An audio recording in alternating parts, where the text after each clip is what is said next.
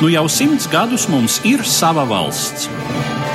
Tā tapa strauji un apņēmīgi ieņēma vietu kā ģeopolitiskajā telpā, tā savu pilsoņu apziņā. Tā mums bija arī tad, kad pastāvēja vien atmiņās un nākotnes cerībās. Šodien tā ir un paliek atskaites punkts mūsu domām, vārdiem un rīcībai. Šogad ceļā uz Latvijas simtgadi uzlūkojam pagājušo gadsimtu caur laikmetu raksturojošu personību prizmu. Raidījumu cikls Gadsimts ar savu valsti ēterā katra mēneša pirmajā trešdienā Latvijas Radio 1. Labdien, cienījamie klausītāji! Pauls Šīmanis, Vācu baltiešu izcelsmes Latvijas politiķis, jurists, publicists minoritāšu tiesību autoritāte starpkaru periodā nevien Latvijā, bet arī Eiropas mērogā. Mūsu šodienas saruna veltīta Paulam Šīmanim, un mans sarunbiedrs studijā ir vēsturnieks Raimons Cerūzis. Labdien! Labdien! Runājot par Paulu Šīmani, kā par viņu izsakās šķiet Valentīna Freimane, bija baltais zvirbulis, vai pareizāk sakot, melnā avs. Vācu baltiešu kopienā, cik tālu atzina latviešu prioritāti šajā valstī, un tas daudziem viņa tautiešiem šeit, Latvijā un Baltijā, nebija pieņemams. Viņš ir dzimis 19. gadsimta otrajā pusē, Jelgavā, jurista ģimenē, un tas, kā arī pats Pauls Šīmanis kļūst par juristu, droši vien ir ļoti zīmīgi tā laika vācu baltiešu tā sauktēju literātu nošķirai, ka dēls iet tēva pēdās. Jā, nu tas ir tiesa. Jurista profesija Vācu Baltiešu aprindās bija populāra, un uh, laikmets, kad šī manis dzīvoja, noteikti ir saistīts ar dažādām juridiska rakstura problēmām. Un viena no lielākajām saistījās lūk ar šo juridisko jautājumu par Baltijas autonomiju. Krievija tolaik virzījās pretī vispārējai rusifikācijai un valsts unifikācijai. Tas nozīmē, ka visās sabiedriskās dzīves jomās tika ieviesta krievu valoda, notika arī teritorijas pārvaldes sistēmas unificēšana, Baltija tika pakļauta tai iekārtai, kas pastāvēja Krievijā. Un Vācu baltieši, protams, saredzēja, ka ar dažādu juridisku instrumentu palīdzību var stāvēt pretīm šai Krievijas unifikācijas un rusifikācijas politikai, saglabāt to savu autonomo tradicionālo statusu, kas viņiem Baltijā daudzus gadu desmitus un pat gadsimtus ir bijis. Gan Paula Šīmaņa tēvs Jūlijs bija jurists, viņa dēls Pauls Šīmans savu jurista karjeru izvēlējās ļoti apzināti, un kā liecina vēstures avot un paša viņa teiktais, tad eh, viņa mērķis bija tiešām pretdarboties lūk Krievijas šai rusifikācijas un unifikācijas politikai. Bet eh, noteikti viņu uzskati nebija dzīves gaitā tipiski vairākumam tā laika Latvijas teritorijā dzīvojušiem vācu baltiešiem. 19. gadsimta nogalē šeit, Baltijā un Latvijā darbojas trīs spēki, kas īsteno trīs atšķirīgus nākotnes attīstības scenārijus. Tātad viens ir jau piesauktā Krievijas valsts vara, kura tiecas unificēt visas savas nacionālās nomales. Protams, Krievijas valsts vara redz Baltiju arī turpmāk vienotās un nedalāmās sastāvā. Otra tendence ir šī vācu-baltiskā, kas ir izteikti konservatīva, saglabāt to, kas jau šeit ir, redzot šo unikālo vācisko Baltiju kā to, par ko ir vērts cīnīties. Tobrīd šeit eh, skaitliski absolūti dominējošā latviešu tauta, kurai ir savs scenārijs. Nav gan īsti skaidrs vēl tajā brīdī, droši vien 19. gadsimta nogalē, 20. gadsimta pašā sākumā, kāds ir latviešu scenārijs. Tas laikam ir viss neskaidrākais. Es domāju, ka latviešiem arī šajā brīdī īstas scenārijas nebija galvā, un tāpēc prasīt, lai to scenāriju apzinātos vietējā vācu baltiešu elite, tie paši literāti, kas būtu izglītotās vācu aprindas, tas būtu pārāk noteikti prasīts. Tā būtu tāda tā laika situācijas nesapratne. Arī Krievijas valsts administrācija un tie paši rusificētāji un slavofīli neiedziļinājās latviešu vēlmēs un patiesībā manipulēja ar latviešiem. Tas, cik daudz šī 19. gadsimta situācija Baltijā bija izskārtne, nevēlties te tā iespraucos ar to savu komentāru, tur bija diezgan sarežģīts saturs. Tā bija būve, kas tiešām bija būvēta uz zināmiem principiem. Kāpēc vācu baltieši, vācu baltiešu elite pretojās šai Krievijas administrācijas politikai? Ne tikai tāpēc, ka, lūk, mūsu kārtība ir ierastā un mēs gribam dzīvot tā, kā mēs esam dzīvojuši gadsimtu gaitā, kad eh, Pēters I izcirta logu uz Eiropu caur Baltiju un Rīgu 18. gadsimta sākumā, viņš deva juridisku solījumu vācu baltiešu aristokrātijai, mužniecībai, bijušai bruņniecībai, ka šī autonomā iekārta, kas ir tur pastāvējusi, viņa būs mūžīga. Tā tad vācu valoda, luteriskā baznīca, pārvalde, tiesu sistēma, policijiskā iekārta. Kad nāca 19. gadsimta 80. un 90. gadi, Krievijas valsts administrācija izlikās, ka viņi vispār ir to aizmirsusi. Vācu juristi un sabiedrības elite cēla priekšā Pētera pirmā solījumu, diezgan tradicionāli, Krievija juridiskos solījumus, kas kādreiz bija doti, vienkārši padarīja par nēsošiem. Un tas ārkārtīgi tracināja vācu baltiešus. Tā bija tiešām asa cīņa 19. gadsimta 90.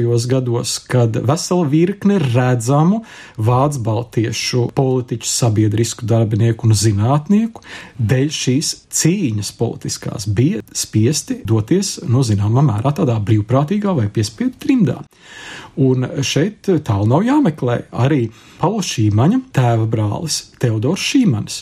Ļoti redzams tā laika vēsturnieks, konfliktēja ar Krievijas valsts administrāciju un bija spiests doties uz Vāciju, kur viņš 19. gadsimta izskaņā kļuva par pasaulē pirmo Austrumēropas vēstures profesoru un ļoti tuvu līdzgaitnieku un padomdevēju Vācijas ķeizaram Vilhelmam II līdz pat Pirmam pasaules karam. Kurā brīdī Pauls Šīmanis, rupi runājot, pamanīja, ka šeit ir vēl tas trešais spēks šai politiskajā spēlē, proti, ka te ir latvieši, kuriem ir savas intereses un arī ar laiku nobriest šī pārliecība tiesības. Es domāju, ka Pauls Šīmanis te ir tiešām tā viņa izcilība, ka viņš diezgan agri salīdzinot ar pārējiem tā laika vācu baltiešiem pamanīja, ka arī latviešos ir kaut kāda politiska izpausme. Vienīgi, ja mēs tā lūkojamies lūk uz šo periodu kaut kā līdz Pirmajam pasaules karam, tad viņa vārdi, ko viņš teica saistībā ar latviešu politiskām aktivitātēm, nav latviešiem pārāk laimojoši. Ir saglabājušās tādas liecības viņa rakstos un tekstos, ka, piemēram, salīdzinot ar Baltijā dzīvojošiem kriopolitiķiem, kas, piemēram, ir Rīgas rātē vai Rīgas domē, latvieši savas nacionālās idejas krietni piezemētāk pauduši un krietni, krietni pieticīgāk uzstājušies nacionālajos jautājumos nekā to darīja vietējie krievi tiešām, ja mēs aplūkojam laika periodu līdz Pirmajam pasaules karam, tad latviešu politiskās aktivitātes ir, teiksim, drīzāk marģināls. Cita lieta, ka latvieši ir ļoti šajā laikā sasprojušies saimnieciski un ekonomiski. Viņi nodarbojās ar komerciju, būvē īres namus, veido savus uzņēmumus. Un vēl viens aspekts, tajā laikā latviešu politiskās aktivitātes ir stipri radikāls, radikāli kreisas. Tur ir zināms mēreni konservatīvās un arī liberālās domas deficīts. Ārkārtīgi liels deficīts, jā. Protams, tā sākotnējā latviešu politiskā ideja tā ir visai izteikti kreisa. Tā ir protesta ideoloģija. Vācu baltiešu izcelsmes vēsturnieks Astavs Tranzē Rozeneks sarakstīja par 1905. gada norisēm grāmatu, nosauc šo darbu par Latviešu revolūciju, Dīlietīšu revolūciju, kur pavisam skaidri pateica, ka, lūk, Latviešu nacionālā atmoda, jaunatviešu kustība, jaunā strāva vai šīs sociāldemokrātiskās idejas patiesībā ir savstarpēji saistītas, un tās ir kā tādas politiskas slimības izpausmes, un patiesībā no tām ir jāatbrīvojās. Tās ir tādas emocijas, kas, protams, tika piedzīvotas 1905. gada revolūcijas laikā, kad tika arī nonāvēti luterāņu mācītāji, postīts pagastmājas un mūžas dedzinātas. Vācu baltiešos kopš šī brīža latviešu politiskā darbība pirmām kārtām asociējās tikai ar šo postošu kreiso ideoloģiju. Un tas bija kā tāds zināms zīmoks, kas palika uz latviešiem vācu apziņā visu turpmāko laiku, līdz pat es teiktu otrajam pasaules karam. Pauls Šīmanis izcila personība arī tai ziņā, ka viņš tādos bīstamos brīžos vai liela pārvērtību brīžos no Baltijas attālinājās. Un tas zināmā mērā paglāba viņu kā politiķi no šīm sakāpinātām emocijām. Kad uh, Latvijas teritorijā notika šīs visas revolucionārās parādības, Pauls Šīmans atradās daļēji Vācijā. Un uh, daļai viņš strādāja tālāk no revolūcijas epicentra, tas bija Tallinā. Viņš bija Revolučija Cētunga, avīzes galvenais redaktors, rakstīja. Līdzīgi mēs varam teikt arī par citiem tādiem kritiskiem brīžiem, vēsturiskiem brīžiem, kad Pauls Šīmanis no Baltijas vai no Latvijas tīri tā geogrāfiski distancējās. Pirmā pasaules kara laikā viņš tika iesaukts Krievijas armijā, Baltijas teritorijā viņš īsti neatradās, līdz ar to nebija liecinieks lielinieku nežēlīgai politikai, ko Stučkas režīms īstenoja 19. gadā, bet tūlīt pēc 19. gada viņš atgriezās. Tāpat eh, Latvijā viņš nebija brīdī, kad pie varas Vācijā nāca nacionālsociālistu līderis Adolfs Hitlers.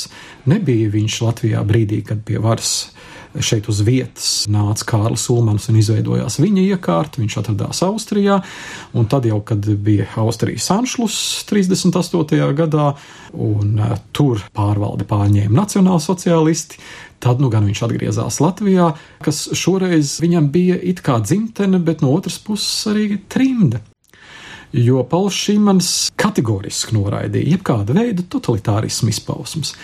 Viņam nebija pieņemams bolševisms vai komunisms, kas bija pilnīga traģēdija, varētu teikt, visiem vācu baltiešiem. Visi vācu baltieši, gandrīz 99% noraidīja komunismu, bet viņam bija nepieņemama arī nacionālsocialistiskā ideoloģija. Viņš bija ļoti aktīvs nacionālsocialismu pretinieks. Viņam patiesībā nepārtraukti bija jāatrodas tādā saspīlētā stāvoklī, baidoties, ka kāds no šiem režīmiem vai kāds no šo ideoloģiju paudējiem var pret viņu kādā veidā vērsties. Pie droši vien jāsaka Paula Šīmaņa politiskās darbības zelta laikmeta kas ir pagājušā gadsimta 20. gadi. Demokrātijas posms Latvijā, arī demokrātiska entuziasma, pacifisma ideju dominantes, izlīguma ideju dominantas laiks Eiropā. Tā jau ir droši vien īstā vide, kurā cilvēks ar tādiem uzskatiem kā Pauls Šīmanis varēja atrast sev vietu un izpausties. Un pirmām kārtām runājot tieši par Latviju, Latvija tās agrīnās nacionālisma un arī radikālā kreisuma hormonu vētras bija pārdzīvojusi kas izskanēja no tā paša Kārļa Ulmaņa mutes 1918. gada 18. novembrī. Tātad Latvija būs taisnības valsts, pie kuras izveidas ir aicināti piedalīties visi neatkarīgi no tautības. Tas bija apsolījums, kas bija ne tikai deklaratīvs. Lai gan, protams, bija nozīmīgas problēmas ar vācu baltiešu kopienu. Pirmām kārtām te laikam ir jārunā par agrāro reformu. Agrārā reforma tiešām bija tāds stūrakmenis, varētu teikt, visai vācu baltiešu politikai. Pats baltieši bija noteikti politiski ārkārtīgi aktīvi. Viņiem bija vairākas partijas, skaitā 5, 6. Pats Pauls Šīmans piederēja Vācu Baltiešu demokrātu partijai, Neraugoties uz to, ka varbūt priekš tādas samērā mazas etniskas kopienas, kas sastāv 60 tūkstošus, 5 partijas, Vācu baltieši parādīja tādu politiskās iniciatīvas unikalitāti. Viņi spēja vienoties vēlēšanās un startēt ar kopīgu sarakstu. Un šo frakciju vai partiju saimā satversmes sapulcē arī pirms tam vadīja Pauls Šīmans. Un Paulam Šīmanim bija jābūt jāsaka, tādam ļoti veiklam diplomātam un menedžerim. Viņa paustās idejas loģiski bija tādas, varētu teikt, centriskas, bet viņa uzdevums bija lūk savest kopā dažādas politiskās iniciatīvas un idejas, kas nāca no visai atšķirīgām vācu baltiešu nometnēm, tostarp arī mužnieku intereses. Līdz ar to daudzos jautājumos, kas saistījās ar agrāro reformu, arī Pauls Šīmanis bija spiests atbalstīt protestu pret Latvijas valsts īstenoto agrāro politiku, ko starp citu arī ne visi latviešu politiskie spēki atbalstīja. Lielākie, protams, atbalstītāji no latviešu vidus bija sociāldemokrāti, kas iestājās par ļoti radikālu agrāro reformu, un eh, diezgan radikāli arī tā beig beigās īstenojās. Pauls Šīmanis ir viens no Vācu baltiešu politiskās kustības redzamākajiem līderiem, un no otras puses jau manis piesauktais izteikums - melnā auss. Pauls Šīmanis ne tikai vāciešiem, bet arī latviešiem, un varbūt arī starptautiski. Viņš bija tāds nepārāk saprasts. Viņš bija ideālists savos uzskatos. Viena no viņa slavenākajām idejām, kas starpkara periodā izraisīja visplašāko polēmiku, bija ideja par tā saukto pārnacionālo vai anacionālo valsti. Tātad valsts, kas nedrīkst būt būvēta uz nacionāliem principiem. Un šis, varētu teikt, pārdrošais solis no Paula Šīmaņa puses izraisīja ļoti plašu neizpratni starptautiski, jo starpkara periods bija nacionālisma laikmets. Gan Vācijā, Vācu valsts virzījās nacionālisma virzienā, gan neapšaubām arī jaunās Baltijas valsts un Latvija to starp tika izprast latviešu tautā kā pirmām kārtām latviešu valsts. Atteikšanās no nacionalitātes valstī kā tādā, tas bija kaut kas ļoti grūti sagremojams un pieņemams. Bet Pauls Šīmaņa arguments bija visai racionāls. Viņš teica, tikai tādā veidā, ja mēs kā prioritāri neizvirzam šo nacionālo, mēs varam saglabāt Eiropā stabilitāti, mieru, drošību, izvairīties no kara. Jo pretējā gadījumā ir konflikts ar kaimiņu valstīm, konflikts dēļ nepareiz noteiktām robežām, konflikts ar nacionālām minoritātēm valsts iekšienē. Viņu nacionālismam arī ir jābūt robežām. Viņām ir jābūt gatavām solidarizēties ar valsti un pildīt kādus valstiskus pienākumus un uzdevumus. Pauls Šīmanis prasīja gan no valstiskās nācijas, vienalga, lai kāda tā būtu, gan no nacionālām minoritātēm, zināmu atteikšanos no šī sava nacionalitātes primāta vai no nacionalitātes prioritātes. Es domāju, ka mēs arī šodien nevienmēr spējam novilkt to idejisko robežu starp atteikšanos no nacionalitātes primāta valstiskajā apziņā un valsts veidošanā un atteikšanos no nacionālā vispār. Mums tūdaļ tēlojas komunistiskā internacionālisma rēks ar tēzēm par nāciju saplūšanu vienotā padomju tautā un visu to negatīvo, kas mums ar to saistās. Jā, Patiesībā jau Pauls Šīmenis nemaz tik tālu no kreisajām idejām pats nestāvēja. Viņa autoritātes bija austriešu sociāldemokrāti, kas pauda arī internacionālisma politikas iezīmes. Tātad, eh, zināmā mērā, šī ideja par pārnacionālo valsti arī nebija viņa paša veidota, bet noteikti viņa bija tam laikmetam, es teiktu, utopiska. Tas bija tiešām nacionālisma laikmets, un popularizējot idejas par atteikšanos no nacionālās idejas, varēja iemantot nelabvēlības 20. gadu nogala, 30. gadu sākums, kad Vācu baltiešu aprindās Latvijā popularitāti sāk iemantot tā sauktā atjaunošanās kustība, citiem vārdiem nacionālsociālisms, kas izplatījās kā nelegāla kustība. Konflikts ar vienu samilzi starp šo, kā toreiz teica, sistēmu, kur pārstāvēja šīmanis, kā saimnes frakcijas vadītājs un redzamākais vācu baltiešu politiķis, un šo kustību, vāciska beveigumu, kas paud šīs jaunās idejas, vācu tautas atjaunošanās, nacionālisma, goda atgūšanas, tiesību atgūšanas un varenības atgūšanas idejas, šī cīņa par tādu mierīgu līdzās pastāvēšanu, pakāpeniski tika zaudēta jau sākot no 20. gadu nogales, kaut arī Pauls Šīmans šīs idejas turpināja popularizēt. Nu, pēdējais liecinieks par viņa idejām ir publikācija 32. gadā Vācu Baltiešu lielākajā laikrakstā Rigaša Runšau, kur viņš izklāsta ja, šos savus principus, kā saglabāt Eiropā un pasaulē stabilitāti, ja šo viņa ideju par pārnacionālo valsti. Bet uh, Tūlīt pat pēc dažām dienām seko tā laika latviešu tieslietu ministra un izglītības ministra Ate ķeniņa atbilde, kura ir ietēpta šajā nacionālismu virzienā, uzsverot, ka šāda valsts, kas atteiktos no nacionālās idejas, nav iespējama, ka latvieši ir pamattauta, kura ar valsts radīšanu ir paudusi savu pašnoteikšanās vēlmi, un Latvija var pastāvēt tikai un vienīgi, ja prioritāte ir latviskums, ja prioritāte ir latviešu nacionālisms. Ja mēs piesaucam Paulu Šīmani kā minoritāšu tiesību autoritāti Eiropas kontekstā, kā tur ir ar viņa sabiedrotajiem līdzgaitniekiem, viņam līdzīgajiem? Te ir arī zināma unikalitāte. Šī nacionālo minoritāšu kustība patiesībā balstījās tieši uz Baltijas vāciešiem. Tie bija Igaunijas divi vācieši Amende un Haselblats un Pauls Šīmanis, tātad Latvijas vācu baltietis. Sākotnēji, kad šī nacionālo minoritāšu kustība veidojās 20. gadsimta 20. gados, tad ļoti daudzi aktīvisti no Austrumēropas vēlējās redzēt kā vadītāju šai kustībai tieši Paulu Šīmani. Bet viņam acīm redzot, tā īsti nepatika šie vadošie posteņi, tāpēc viņš bija šīs kustības viceprezidents. Kāpēc šie Baltijas vācieši bija vadošie visas Eiropas nacionālo minoritāšu kustībā?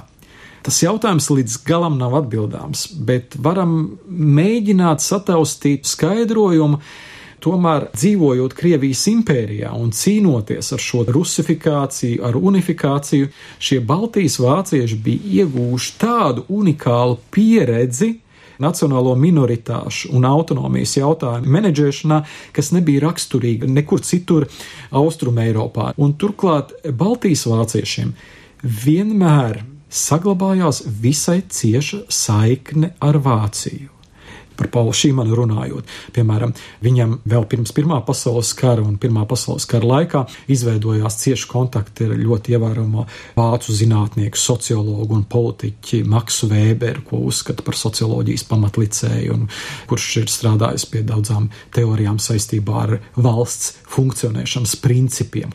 Tad viņam bija ciešs kontakts izveidojies arī ar Friedrichu Naumani. Friedrichs Naumans bija pazīstams ar to, ka viņš Vācijas valdībai Pirmā pasaules kara laikā deva koncepciju, ko darīt ar Eiropu gadījumā, ja Vācija karā uzvar. Un Friedricha Naumana koncepcija bija principā ļoti tuvu tam, ko mēs mūsdienās redzam Eiropā. Tā ir Eiropas Savienība ar zināmu Vācijas līderību.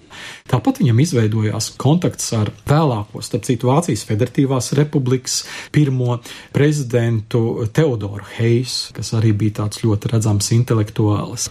Vācu baltieši bija unikāli kopumā, bet tā nacionālo minoritāšu kustība Eiropā tobrīd, 20. un 30. gados, viņi bija lielākoties vācu nacionālo minoritāšu kustība, jo vācieši bija tie, kas bija visplašāk izplatīti kā nacionālā minoritāte vidus un austrumē Eiropā.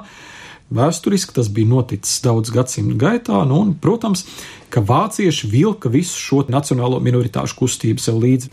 Zinot Paula Šīmaņa biogrāfiju, lielā mērā viņš piedzīvo savu ideju sakāvi to brīdi Eiropā, kā zināms, gan Latvijā, gan Vācijā nāk pie varas nedemokrātiski režīmi. Nu, Latvijā mēs runājam par samtainu autoritārismu, ulmaņa režīmu nerunājot par Vāciju kur pie varas nāk nacisti, un uh, no Latvijas viņš aizbrauc vēl pirms autoritāra apvērsuma, bet viņš pavada lielāko ulmaņu varas daļu Austrijā.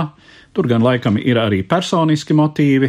Veselības problēmas arī lielas viņai izteiktas, ir, Jā. Jā, par kurām runā. Nu, protams, grūti to pārbaudīt. Zināmas aizdomas varbūt tomēr ir ka šī veselības problēma, kādēļ viņš brauc uz Austriju, ir saistīta ar tām norisēm politikā, un ka tā ir tikai tāda zināma aizbildināšanās. Un viņa tālredzība, varbūt tā ir arī tālredzība. Intuīcija ļāva intuīcija, viņam noteikti. laicīgi pabeigt no šejienes, bet uh, Kā zināms, Austrija piedzīvo Anšlusu 1938. gadā, un tur varētu būt arī konkrēts risks nonākt uh, uz kādu laiku ieslodzījumā vai koncentrācijas nometnē. Nav saglabājušās gan liecības par to, ka viņam būtu kāds tobrīd draudējis. Iespējams, ka viņš vienkārši jutās nekomfortabli un, zināms, varbūt viņam bija bailes par to, kas varētu notikt. Bet šīs turpmākās norises, kas ir jau pārnākot atpakaļ Latvijā kopš 38. gada, nu, tās liecina, ka tomēr šie totalitārie režīmi, ja mēs runājam teiksim, par Padomu Savienību, par Trešo reihu Vācijas gadījumā, arī Kārļa Ulmaņa iekārta nevērš nekādas represijas vai neizrāda kaut kādu aizdomīgumu pret um, Paulu Šīmanu, lai arī Pauls Šīmanis bija ļoti izteikts antikomunists pēc Latvijas okupācijas un inkorporācijas Padomu Savienības sastāvā 40. un 41. gadā Pauls Šīmanu nekādā veidā padomu iekārt nerepresē. Viņš neaizbrauc uz Reihu, un turklāt viņš atsūta ļoti emocionālu vēstuli Kārlim Ulmanim. Mēs varam teikt, ka viņš saka, ka viņš ir Latvijas pavalsnieks un šādā situācijā nespēja savu dzimteni pamest un eh, paliek uzticīgs Latvijas valstī. Un viņš ir to aptuveni 15,000 vācu baltiešu skaitā, kas paliek Latvijā. Bet eh, atgriežoties pie tā, kas notika padomu laikā, tad eh, pirmajā padomu okupācijas gadā Pauls šī manis dzīvo mierīgu dzīvi, viņš neiesaistās politikā un uh, okupācijas iekārta viņa liek mierā. Un ir saglabājušās pat tādas netiešas liecības, ka īsi pirms Vācu okupācijas, jau 41. gada jūnijā, tobrīd uh, jau par padomju augstākās izglītības iestādi pārvērstā Latvijas universitāte ir aicinājusi Paulu Šīmani kļūt par lektoru augstskolā. Kāpēc tas tā noticis un vai tas tiešām tā noticis, tur vēl vēsturniekiem jāpapēta, bet šādas liecības ir saglabājušās.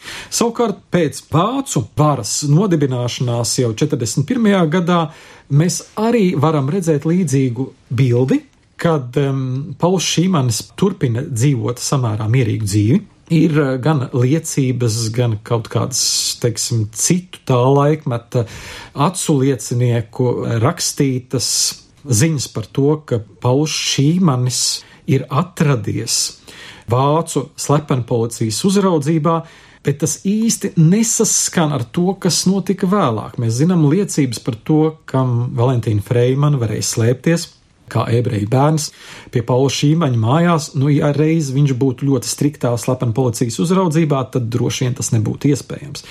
Visdrīzāk, tā kā Pauls Šīmanis tiešām tajā laikā bija jau visai slims un nenodarbojās ar politiku, sabiedrībā neapgrozījās, tad viņu tiešām lika mierā.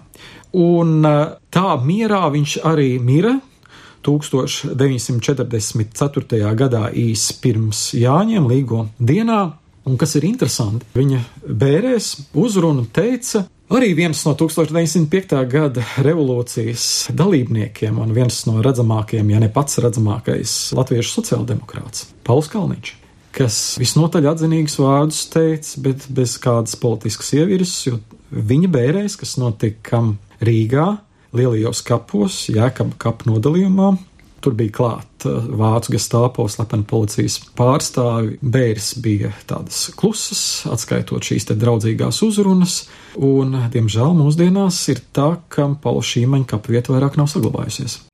Jo visdrīzāk vietā ir uzbūvēta, ja nemaldos, senču iela.